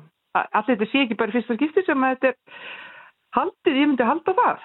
Eh, hérna, svona alltaf með viðbröðin við þessu að þá, þá, þá verðist þetta að vera eitthvað nýtt. Og eh, þetta er sem sagt bara, já, sem sagt hugsunin er þessi að við ætlum að hafa opið hús um, einu sinni mánuði í safnarheimili kirkjunar, Akureyri kirkju, þar sem að allir sem að eru einir á heimili, sem sagt búa einir geta komið. Og það er raunur bara eina þú, að öðru leiti þá skiptir engum mála á hvað aldrei þú ert, af hvaða kyni, eða kynþætti, eða kynhneigð, eða hvað hana er e, og, og, og, og, og bara, sagt, það er eina forsendan þessið að, að þú búir einn eða, eða einn. Hvað kom til þess? Og þetta er- Já, fyrir ekki. Nei, nei, já, já, já, ég, ég, ætlaði bara að segja ykkur að líka, þið veitir hvernig ég er sko, ef er kveikt og taka og tala þetta, þetta ég ætla að reyna, ég ætla að reyna að vanda mig sko, hildur, lefðu fólki líka að spurja þig. Já, ég, ég ætlaði bara að spyrja bara hvað kom til að, að þið ákveðið að bjóða upp á þetta. Hvort það hafi verið þörf eða hvernig sem það er. Einmannleiki er náttúrulega svolítið alvarlegt og mikið útbreytt vandamál. Já, það er nefnilega máli, sko, eh, sko, þetta er smá vandarsamt vegna þess að það er ekkert, sko, við, við segjum ekki, þú veist, við erum að halda innbúa kaffi að því er svo margir innmanna vegna þess að nei. ef maður fer að tala of mikið um eh, einhvers, einhverja neðamálsgreinar af þessu starfi þá getur fólk upplegað svona heyrðu, býtum, mér langar ekki að láta vorkina mér vegna þess að það er alltaf bara mjög margir sem að búa einu vegna að kjósa það en er í miklum félagslegum tengslum og bara lifa mjög innihaldsríku lífi og er jafnvel minna einmanna heldur en þeir sem að, að- eða einhverju sem að búa sko með fjölskyldu þannig að það er ekki endilega fórsendu þess að vera einmanna að búa einn en það er hins vegar alveg hár rétt hjá þér að auðvitað hefur einmannaleiki bara aukist og ég menna það er náttúrulega bara talað um núna, ég held sér Breitlandi þar sem verður fara að- að að setja stopp sko ráðneiti sko einmannaleikar. Ráð þeirra, vegna þess að þetta er- einmanna ráð Já. þeirra, hann er bara Já, núna, já. núna komið á það embati.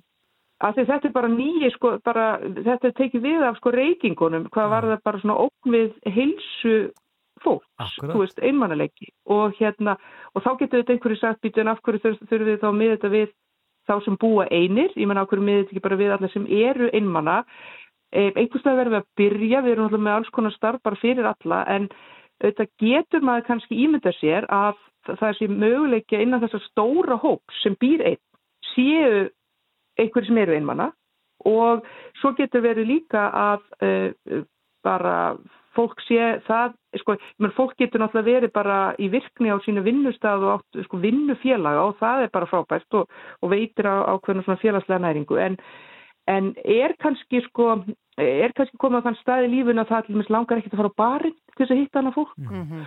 og ég meni ég segi fyrir mig að ég byggi ein núna sko, væri, væri ein og, og þú veist, ég væri ekki mér myndi ekki langa að fara á barinn eins og ég gerði fyrir einhverjum árum sko. Nei, þú værir ekki á hérna- götubarnum, bara hangandi Nei, þar og... ég, nei, alls ekki sko. Og, og hérna, einmitt, og þetta er svona þannig að þetta kviknar svolítið út frá, jú, reynslu minni sem presti í samtölu við fólk og að þreif að vera sko auknum einmannleika í samfélaginu sem er mjög mjög hugleiki núna og þetta sprettur raunverulega upp af þörf fólk sem að hefur til mér leitað um sálgæslu sko. Já, og, og svona bara eftir að að tala við fólk að þá allt nú sem er af hverju, ég meina þetta er það sem að kirkja Krist á að vera að gera, veist, það er að rjúfa innsend og að hérna tengja fólk sko saman og þetta gerir það það einhverju leiti í öðru starfi en þannig erum við kannski svolítið að tala um sko að ég við prestarnir séum ekki að með einhverja bóðun eða við erum ekki að standa þarna og tala og bara fólk að hlusta og óvirt, skilur bara engi virkni og hínum aðalega bara hlusta og meðtaka,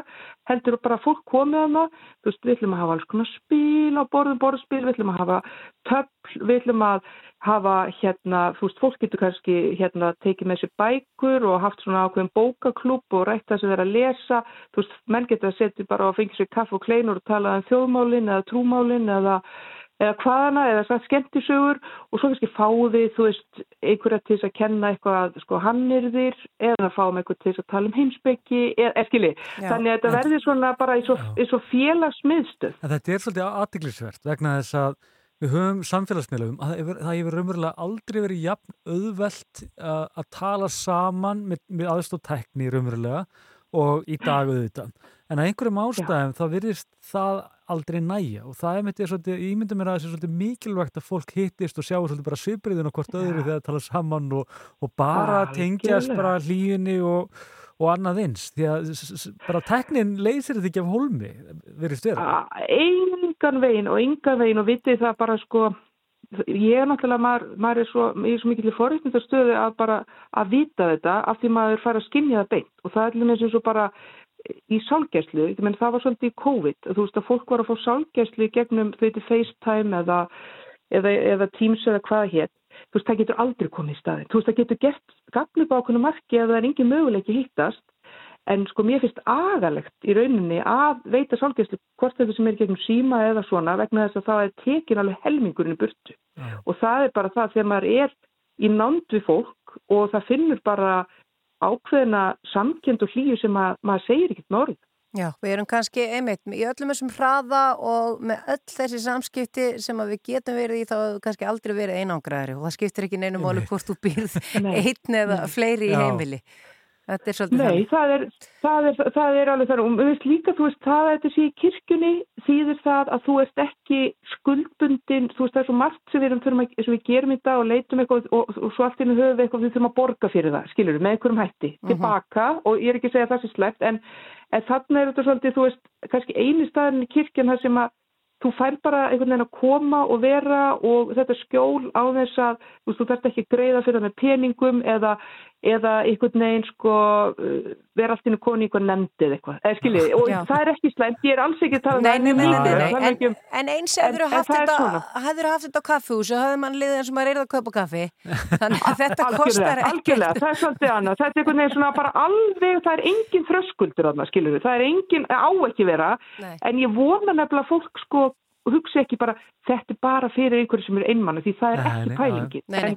En ef það slæðast með eða eru innanum, fólk sem bara upplifir einmannleika, hefur aldrei talað um það veit og kemur þarna og er innanum fleiri, þú veist, þá er náttúrulega björnin unnin, Já, svo er líka bara allt félagsstarf, hvernig sem það er, svolítið að draga saman. Það er alveg með, með ólíkindum líka. Allir bara, já, ég hittust bara á Já. Facebook, bara í spjallin, í grúppinni og allt, allt Já, þetta. já. En svo einhvern veginn horfum við aldrei á hvort annað og bara tölum saman. Nei, og ég segi fyrir mig, þú veist, mér finnst svo leiðilegt að tala í síma, ég hef alltaf þótt, og ég þykir mjög leiðileg í síma.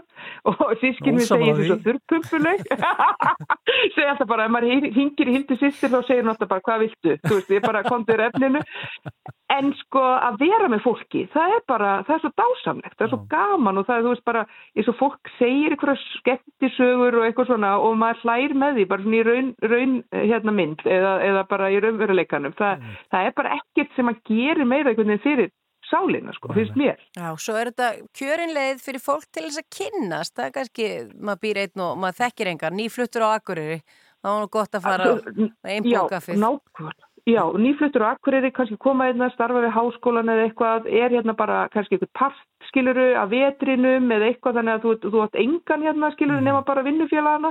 Eða ert innflytjandi eða, eða flóttamaður og, og, og, þú veist, þau eru þetta með ákveðina tengingu og, og félagsstæðin samt ekki, ekkit nóg, þannig að þau geta líka komið að sjálfsögðu og það væri dýrmætt, sko. Svo er það bara frík kaffi. Það er bara sumir okkar eh, gera svona laga til þess að ná- nálgar frík kaffi, sko. Þetta er bara flott. Það er bara þannig. Já. Bara frýtt kaffi og kleinur. Já, ymmit. Hildur, uh, klukkan hvað er þetta á morgun? Það verður náttúrulega kjaft fullt út úr dyrum, þú ert búin að ert búin þetta já, svo. klukkan, klukkan 5 til 7, en vitið það að það er eiginlega, hef ég á þessum tæpi 20 ár- árum sem ég starf sem prestu fengi ímsar hugmyndir og hreint ímsu í framkvæmd, ég held ég hef aldrei kynnt neitt til leiks sem er vakið eins mikil viðbröð hjá fólki, sveið með þá og svo veist bara fólk er að ringja og, og spurjum þetta og svona þreifa og, svo, og ég finn það bara, ég bara ok, þetta er staðan, þú veist, það er bara þörf fyrir svona Mhm. og, og ég hvet þá bara fleiri félagsamtöku eða reyfingar til þess að gera, þú veist, meira af þessu sko, mm. það er ekki nóg að séu á einum stað Einn bókaffi klukkan 5 á morgun í, í Safnarheimilinu, ekki? Eða Akureyrkirkju? Já, jú, bara Safnarheimili kirkjunar. Akkurat, sér að Hildur Eilboldóttir, sóknarpastur í Akureyrkirkju. Takk fyrir að vera á línu okkur og góða skemmtun á morgun. Já, takk fyrir, takk fyrir að ringja. Bless.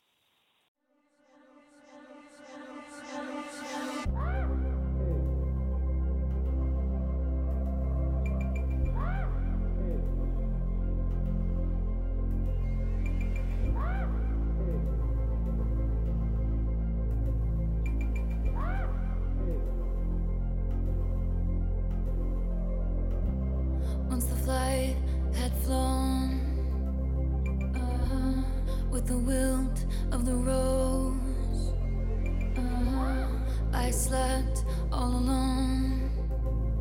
Uh, but you still wouldn't go.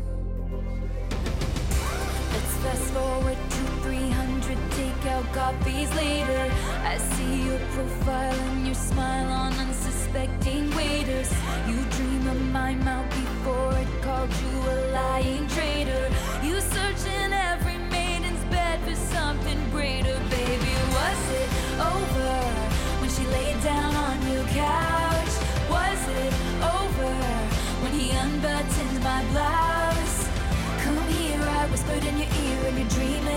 passed out, baby, was it over then? And is it over now?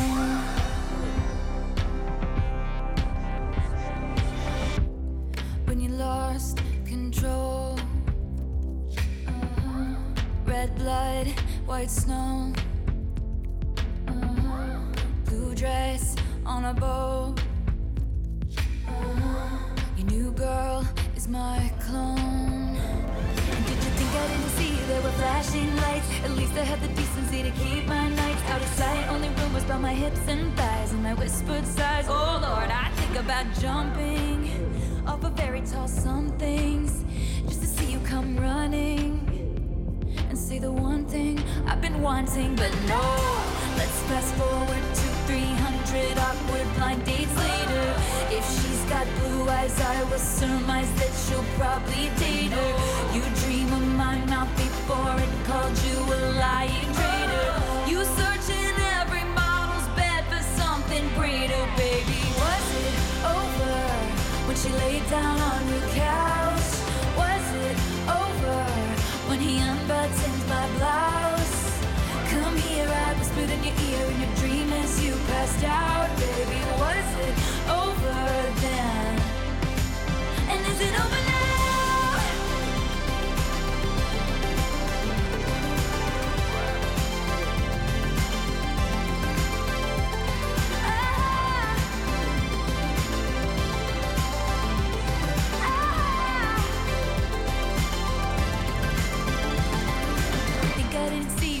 Flashing lights. At least I had the decency to keep my nights out of sight. Only rumors about my hips and thighs and I whispered sighs. Oh Lord, I think about jumping off a fairy tale somethings just to see you come running, running and say the one thing I've been wanting, but no.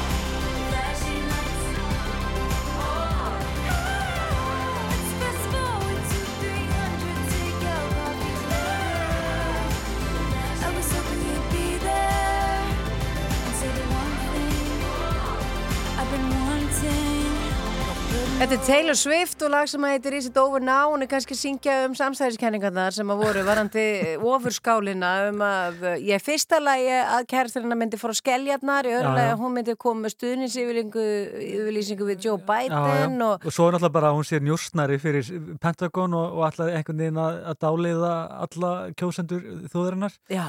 Þetta, þetta, þetta verður ruggleira og ruggleira En ekki það að hún hefur töluverð áhrif, hún, Já, já. hún Taylor mín, það verður að viðkennast. það er bara hárrétt, hún mun líklega hafa einhver áhrif áður en yfir líkur að auki Já, uh, við vorum aðeins í gær að fjalla um óbyðanemnd, uh, heyrðum í Írisir Ópersdóttur, bæjarstjóri Vestmannegjum, uh, út af skerum og eigum og, og, og heimakletti og öðru þar í kring. hún var band, eiginlega bara bandbrjáluð. Uh, nei, ég segi það nú ekki. Nei, nei, en hún var, hún var, mjög, ósátt. mjög ósátt, mjög pyrruð uh, en það er efnaðars og fjármálar á þeirra hefur gert kröfu fyrir hönd íslenska ríkisins um að þjóðlendur á svæði 12 sem nefnaðist eigjar og sker og er hluti af vinnu og framkvæmt óbyðanemndur frá aldamótum.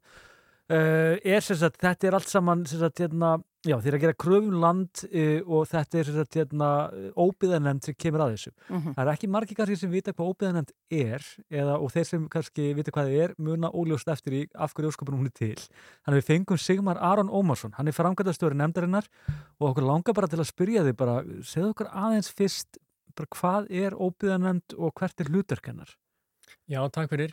Óbeðanemnd er svona í stuttumáli sjálfstæð úrskurðanemnd sem hefur það hlutverk að úrskurða um mörg þjóðlendna og eignarlanda. Og ef við byrjum bara aðeins á byrjuninni svona af hverju var þessi nefnd búin til að þá er þetta nefnd sem starfar á grundvelli þjóðlendulaga sem voru sett 1998 og aðdraðandina því var semst sá að, að um og, og eftir miðja síðustu öld að þá voru þá fjallu dómar í hæstarétti þar sem að vera að takast á um eignarhalda á landi upp á hálendi Já. og þar var niðurstænir rauninni að, að það ætti þetta enginn, það gæti er- enginn sínt, sínt fram á eignarhalda á, á þessum svæðum. einskilsmanns land upp á hálendi og það þurfti að, að finna út úr því hver ætti þetta og, og ríkið ákvæður umröðlega að, að ríksugu þetta allt saman upp, eða ekki? Já, það var ákveð að ráðast í það verkefni að, að semst í fyrsta lagi þá var skilgreina eigandalaus lönd, þessu lönd utan eignarlanda Mhm. sem þjóðlendur, þannig það er það sem að þjóðlendur eru, þannig eru það skilgreindir í lögunum og svo var ákveðið að, að koma þessari nefnda á koppin til þess að kortleika hvar þjóðlendur væru Já. á öllu landinu. En er þetta þá, fyrir ekki það valur, er þetta þá að því að við vitum náttúrulega bara um bújarðir og um jarðir og, og svona sem er í eigu, mm -hmm. engaðilega og allt þetta, eru þetta þá bara lönd eða jarðir eða eh, svæði sem enginn vill eiga eða jafnvel þá bara eitthvað sem einhverjir áttu áður því það var náttúrulega búið út um allt og, og upp eftir heiðum og öðru slíku hérna í, í gamla gamla daga eða, eða hvað hva, hva þá?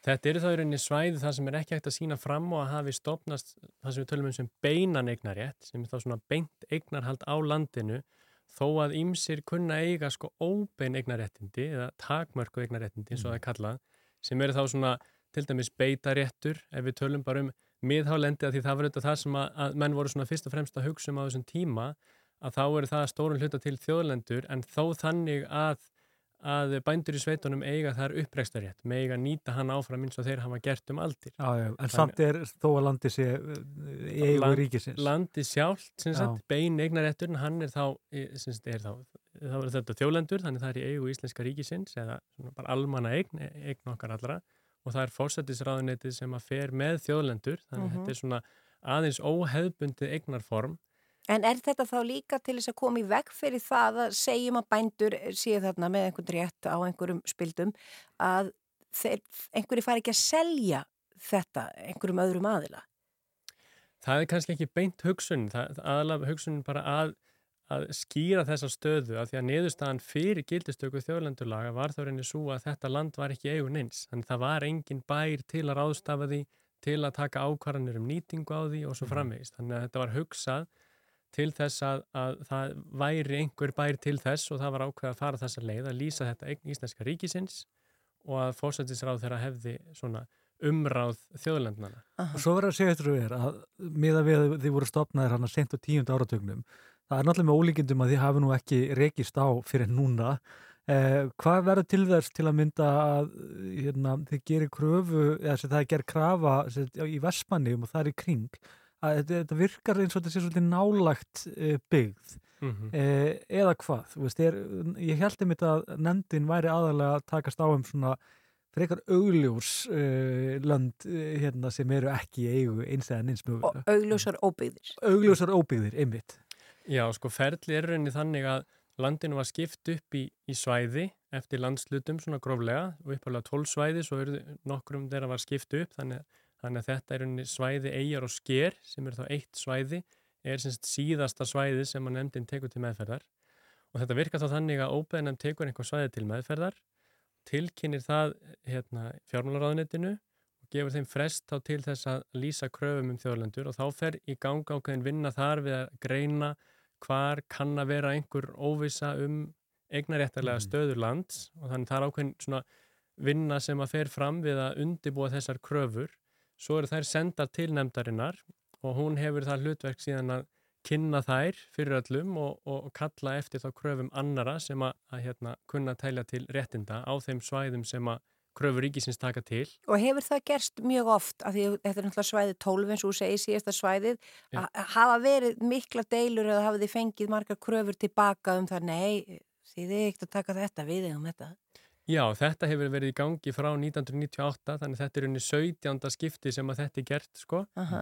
og, og, hérna, og, og það er oft talsveit mikill ágreiningur milli þá ríkisins og landeiganda um það hver á tiltekki land eða hvort einhver eigi það eða ekki. En Og- þá veldur maður líka fyrir sér einmitt um ágreiningin kostnað vegna þess á annað eins. Er þetta þungt fyrir sveitaféluga? Eiga þessum deilum? Er þetta mikill er þetta mjög lögfræðilegt allt saman? Ég mynda mér að, að, að skrifa greinagerina eina verður nú ansið dýrt, sko. Já, já þetta, þetta geta alveg verið og eru mjög oft flókin eh, svona lögfræðileg úrlausnarefni Já.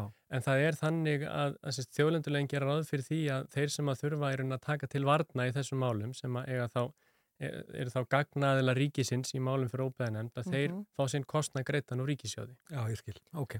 Þannig þetta kerfi var þannig sett upp að þannig verið að fara í eitt skipti fyrir öll, ákvarða hvar þessar þjóðlendur eru og allir sem að þurfa þá að koma að því að, að þeir fái þá lögmannskostna, því yfirlt eru, eru semst, landegundur og, og sveitafélag og aðrir sem að, sem að tæla til réttinda, ráða sér lögmann til að, að hérna, gæta sinna hagsmuna fyrir nefndinni og, og kostnaður af því semst, greiðist síðan úr ríkisjóð. Já, þannig að þetta er ekki að falla beint á sveitafílu sem að eru mistæð og, og svo framvegs.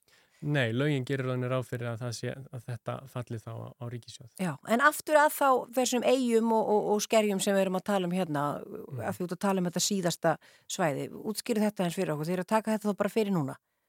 Já, það er einnig sko síðasta ári að þá var þetta svæði tekið til meðferðar og, og veittur hérna frestur til, sérst, ríkinu veittur frestur til að lýsa kröfum um, um þjóðlendur og við fengum þær síðan senda núna bara uh, annan februar og þá hefst í rauninni kynningarferli þegar nefndin hefur það hlutverk samkvæmt lögunum að, að kynna kröfurnar og, og það er svona skapast oft ruglingur sko eins og, eins og kröfurnar séu gerðar af, þjóð, að, að, að óbeðanemnd Já, einmitt. Eh, en, en markmiðið með því er í rauninni bara að allir sem að telja sér þá eiga einhver réttindi Mhm. að þeir geti látið málið sér varða Mhm. og, og lýsi þá kröfum fyrir nefndinni.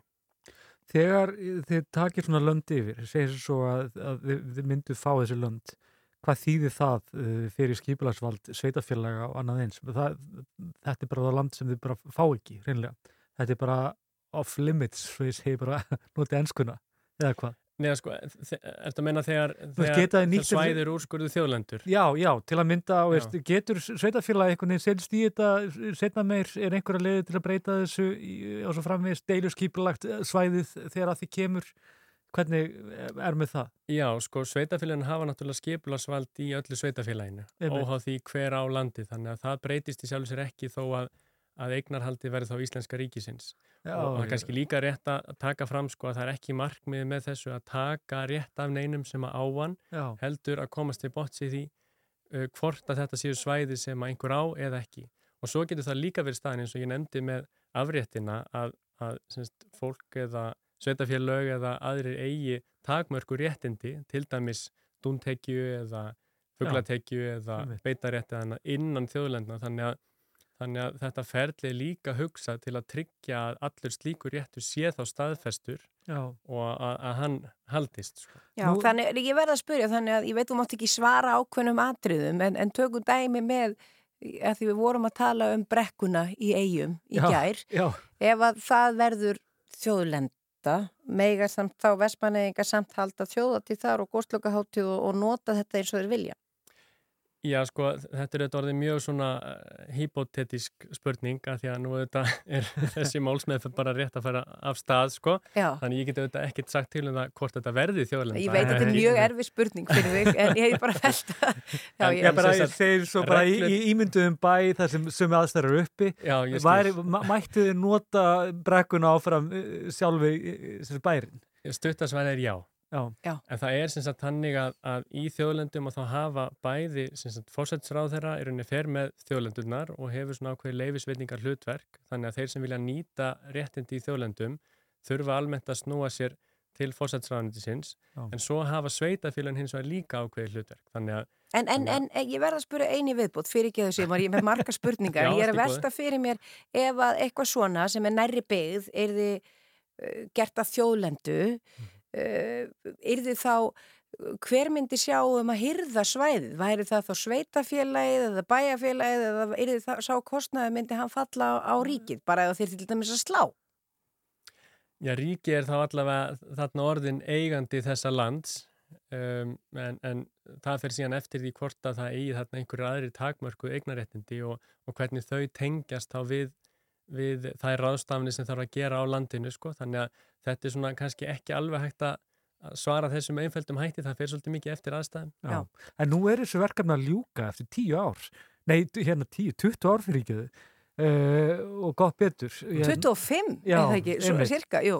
Jú, einmitt. Hérna, það er bara töluverður eh, svona árangur, myndi maður halda. Þannig að Ísland er nokkur neginn, það er búið að skilgreina öll þessi svæði, bara, hvað, hvað maður að segja, 90% af það minnsta eða? Já, sko staðan núna er svo að við erum búið með 95% af meginlandinu, ef við getum talað um, um semst, aðal eiguna eða stærstu eiguna Já. Ísland og við erum með semst austfyrði til meðferðan núna og áallum að hverði búrskurði þar á þessu ári og eigjar og sker eru síðan síðasta, síðasti hlutin sem að kemur til meðferðar Já. og, og þegar það er búið að hverði búrskurði þar að þá verður óbeðanend bara lög niður, þá er þessu verkefni lokið, þetta var, það var farið á stað hérna 98 og, og, og, og hérna, þegar það verður svo búið að taka all landi fyrir að þá er þetta bara þá er þetta búið að þá hvernig- fyrir þessi mörg þjóðlenda. er þetta í löndunum sem við berum okkur sama við? Er, er svona eitthvað svipa, óbyða nefnd og, og erum við komið lengri en aðrir eða? Sko, þetta er eiginlega frekar einstakt á heimsvísu að það séu yfir höfuð eigandalaus svæði vegna þess að oft var það þannig að kongurinn átti allt sem enginn átti eða Já. ríkið og það var unni það sem að þessi dómsmál snýri svolítið um sem ég var að vísa til hérna á síðustu öld að, að þar saði hæstiréttur þessi regla gildir ekki á Íslandi. Já. En norðmenn hafa verið í, í svona kannski sambarlegu verkefni við að kortleggja eh, stöðu eignaréttara landi í Noregi og þeir hafa verið að því síðan 1904 eða 5 og eru ennþá að en eru komnir alveg í Finnmörku sko, þeir eru svona Mhm. líka á sínu síðasta svæði Já.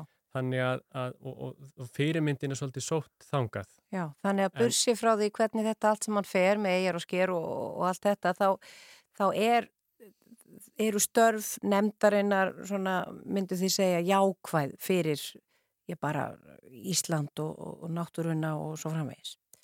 Ég meina það er kannski uh, sko, umdeilt það er ekkit allir hrifnir af þessu en ég held að svona til lengri tíma liti þá er þetta jákvætt að það sé skýrt Mhm. uh, hver á hvað og þá að, að þessi staða land sem að engin átti í raun og veru, engin átti beinan eignar þetta að, Verður að hún hafi áfram verið, bara verið skýrð sko. Já, áfram í eigu, ég er raun þá okkar, þjóðarinnar. Já, við eigum þá- þetta þá í lok er dagsins. þetta almenningsegn og þetta er alveg það er, ég bara bendi áhugasum á, á, á hérna, vef óbeðanemndar, óbeðanemnd.is, það er hægt að sjá kort, hvar eru þjóðlendur og, og, Mhm. og alla úrskurði frá upphafi og, og dóma sem hafa svo fallið í kjölfarað því vegna þess að ef það kemur úrskurður og, og, og menn eru ósátti við hann, þá er þetta að fara með málinn fyrir dóm, þó að þetta sé endalega niðurstaða á stjórnsýslustígi Já, einmitt. og þetta eru um 40% af landi á Íslandi við tölum með meginlandi sem eru þjóðlendur. Þannig að þetta er talsveit stór hluti af landinu sem, að, sem er í þessum sérstakka flokki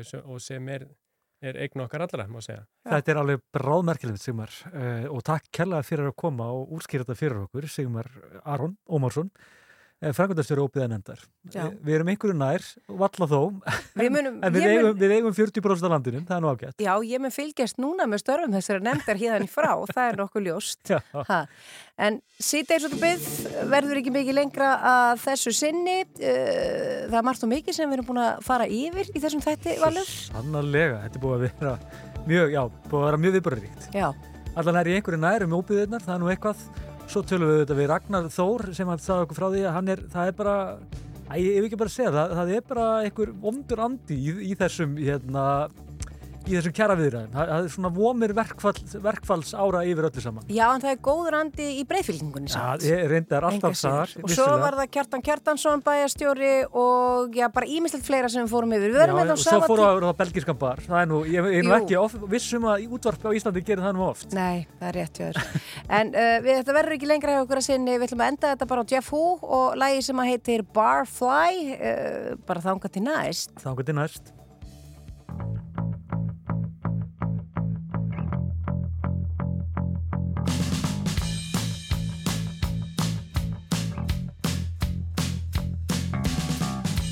It with a haircut that you don't understand. All dressed up, looking so sharp, just knowing you're the man. With walk to the beat and your moves on repeat, the game is on tonight.